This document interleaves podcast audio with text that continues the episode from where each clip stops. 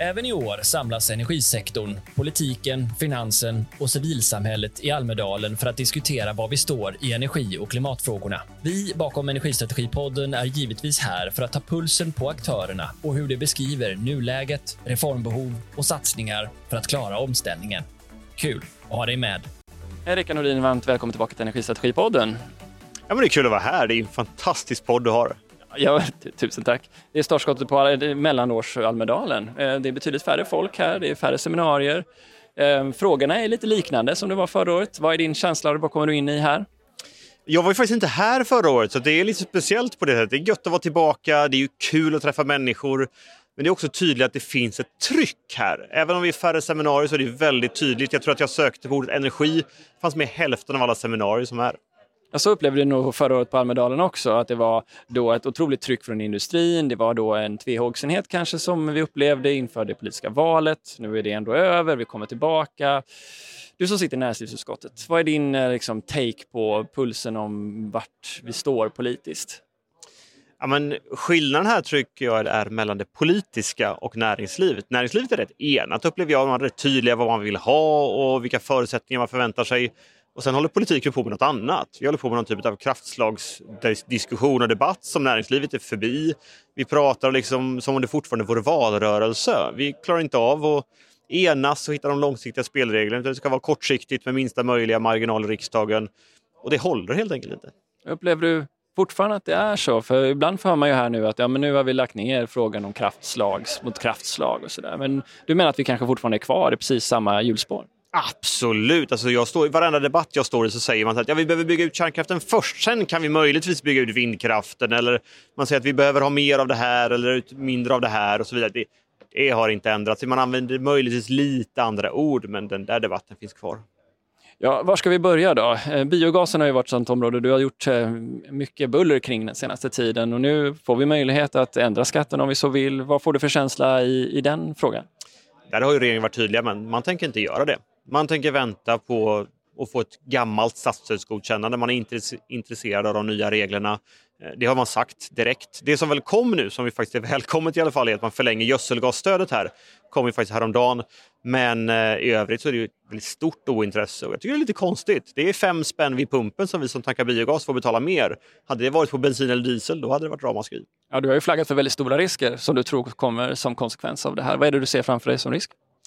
Dels ser vi ju att det är många företag, många små lantbrukare och annat som har investerat som riskerar att gå omkull helt enkelt. Och det andra är ju långsiktigheten och tryggheten för alla som ska investera. Flytande biogas är perfekt för lastbilar. Jag tror att ny Försäljningarna var 12 procent senast här nu och jag tror att man skulle kunna stå för 10 procent av fordonsflottan 2030, vilket ju är fantastiskt. Det skulle ju underlätta för elsystemet också att vi inte behöver lika mycket effekt i det när vi kan köra på andra saker än bara el. Men då måste man ju klara av de här sakerna och skapa en trygghet för de som ska investera. Vi ser en tydlighet för EU, eh, från EU i frågan och vi såg också en debattartikel här från Fossilfritt Sverige inte minst som underströk behovet av att göra det här. Mm, ser vi frågan eh, vända jag tror ju att det finns en förståelse för biogasen men jag tror inte att regeringen håller på, håller på att förändra sig, tyvärr, för det hade varit bra. Andra dramatiska händelsen som har skett här bara den senaste tiden är ju um, SVK som pekar på att vi inte når eh, tillförlitlighetsnormen, förslag på införande av kapacitetsmarknaden vilket ändrar förutsättningarna för hur vi ja, tradar den här väldigt dyrbara produkten el. Vi ser en eh, en, en, en, fråga om, ja, vad ska man kalla det då, men brist på bättre ord, acceptans som fortsätter att gå ner för delar av det förnyelsebara. Eh, hur vill du förklara allt det här? jag förstår SVK, för det är klart med en kapacitetsmarknad då får ju de precis vad de vill ha. De behöver inte bry sig om vilka priser som behöver sättas eller hur stora förändringar det är på en marknad, utan man får precis det man vill ha, exakt så mycket. Det är ju smidigt. Men att ratta om hela det systemet, alltså det är ju ingenting man gör på ett enskilda år. Det är kanske decennier bort i så fall. För då ska vi ju synka det med alla andra länder. Jag har väldigt svårt att se att den omsvängningen skulle ske. Jag tror snarare man behöver bli mer kreativ, använda det vi har, fundera på hur olika anslutningstillstånd och annat sker, om man kan dela på effekten över tid. Det finns jättemånga andra saker som är lite krångligare men som vi också nog behöver göra åtgärder för i riksdagen så det kan komma på plats. Men det de säger är ju egentligen ganska enkelt. Vi ser ett behov av, eh, av förnyad produktion, vi ser en, en prissignal men vi ser ingen ny produktion komma till. Eh, har de fel där? Nej, där har de ju helt rätt. Men jag tror inte att betala mer är lösningen. Helt enkelt för att det finns ju jättemånga som vill investera i ny produktion.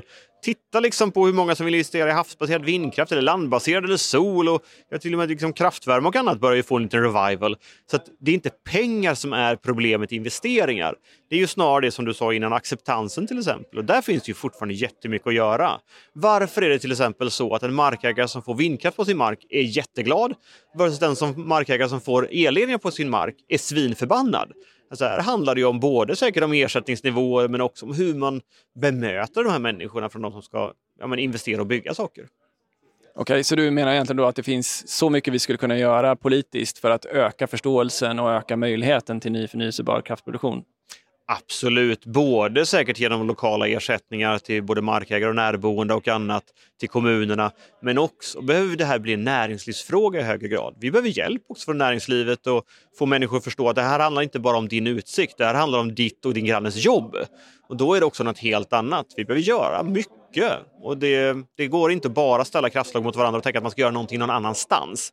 För så låter ju debatten väldigt ofta lokalt att gärna vindkraft men inte här eller gärna kärnkraft fast inte här och definitivt inte vindkraft här heller. Och så kan vi inte hålla på. Vi behöver bygga allt där det är bäst för då kommer det också bli mer effektivt. Om vi då tittar på, jag slänger mig mellan frågorna här, men du har varit med länge i energipolitik så jag tänker ställa de kraven på dig ändå. Ehm, um, Västra Götalandsregionen nu, tilldelningen kom ju och eh, SVK visade vilka planer som man har och det är ju många industrier som faktiskt inte får någon tilldelning, inte minst i, i den process, eh, den kemiska industrin, eh, fabriker i Skövde och annat. Um, nu börjar läget bli akut. Um, vad gör vi? Det här har jag ju varnat för länge. det här är min hemmaregion. Skövdefabriken verkar ju som att man ändå har fått en tilldelning, säger man åtminstone från Volvo. Men, men Perstorp och Borealis framförallt, och som fick nej, där är det ju jätteproblematiskt. Och då krävs det ju dels såklart att få ny produktion på gång. Där finns det parker för havsbaserad vind där vi ju vet att det finns lokalpolitiker från andra partier som blockar. De måste ju ta ett snack med sina rikspolitiker och kanske tvärtom att rikspolitiker måste förklara att det går inte att hålla på och blockera de här frågorna. Sen behövs det ju både mer nät men det behöver också se till så att man nyttjar de resurserna vi har smartare. Det finns ju kraftverk där som antagligen skulle kunna gå och köra förnybart istället för fossilt. Det kanske kan vara en övergångslösning, se till så man, som jag sa innan, delar på de effekter, effekter som finns. Det finns antagligen företag och andra som inte nyttjar hela sin tilldelning som man har fått men då kanske man kan låna ut den effekten i en övergångslösning till exempel. Det finns jättemånga olika sådana saker som behöver göras, men vi behöver nog bli lite mer kreativa. Kanske sätta oss runt samma bord och faktiskt lösa ut ett antal frågor. För det blir lätt så att alla sitter och håller på sitt. Det såg vi ju med havsplanen till exempel. Man fick i uppdrag att få fram var det 100 nya terawattimmar eh, havsbaserad vindkraft och man kom tillbaka och sa att nej, det gick inte. Därför att alla sitter och satt och höll på sin puck och så kan vi inte hålla på. Ja, just det. Det var försvarsfrågor, det var fiskefrågor, det var Natura 2000-områden. Um, ehm, och den här frågan då om att eh, inte bara en part ska få all tilldelning, säger nu att um, en ny batterifabrik i Skövde får det, men att då andra inte kan få det. Eller att H2GS eller LKAB får tillgång upp i Norrbotten och det, ah, de andra investeringarna blir utan. Eh, och vi pratade om det förra gången du och jag träffades vid och då sa du att ja, men det är inte lätt att definiera samhällsvärde i ett kösystem. Men nu börjar det ändå bli så att om en får allt så missar vi väldigt mycket. Du säger att vi ska prata mer om det, men rent konkret, vad kan du säga, vad tror du vi behöver göra? Jag tror du behöver lägga pusslet mycket mer.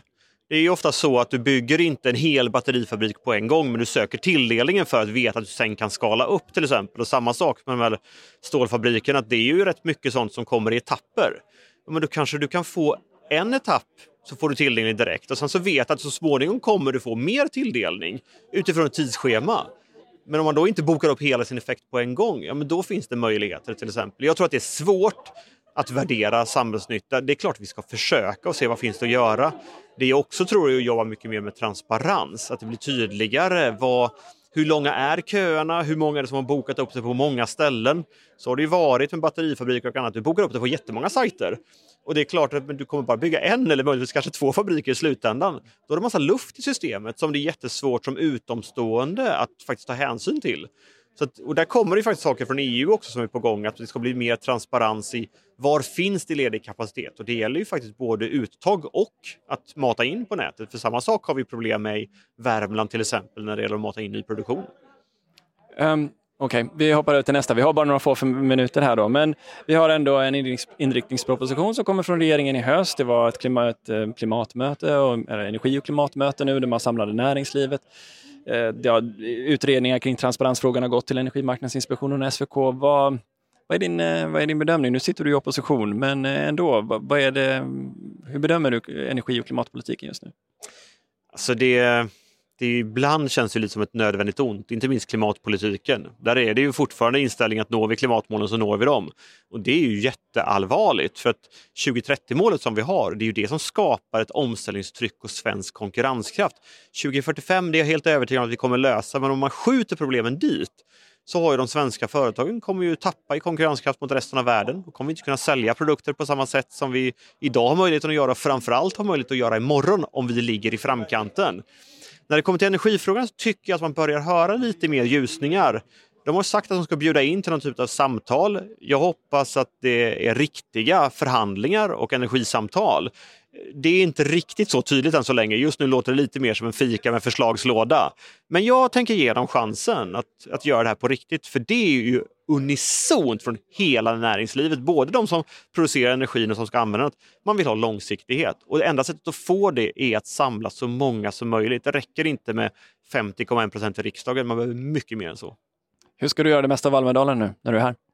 Jag tycker det är fantastiskt roligt i alla möten. Jag kommer att ha otroligt många seminarier och annat. Jag brukar vara den riksdagsledamot som toppar listan. Men jag försöker också hitta lite tid däremellan för att faktiskt snacka med folk efteråt. För det är, det är kul att träffa nya människor som man inte vanligtvis träffar alltid. Tack för att du tog tid för Energistrategipodden. Tack själv, alltid lika roligt.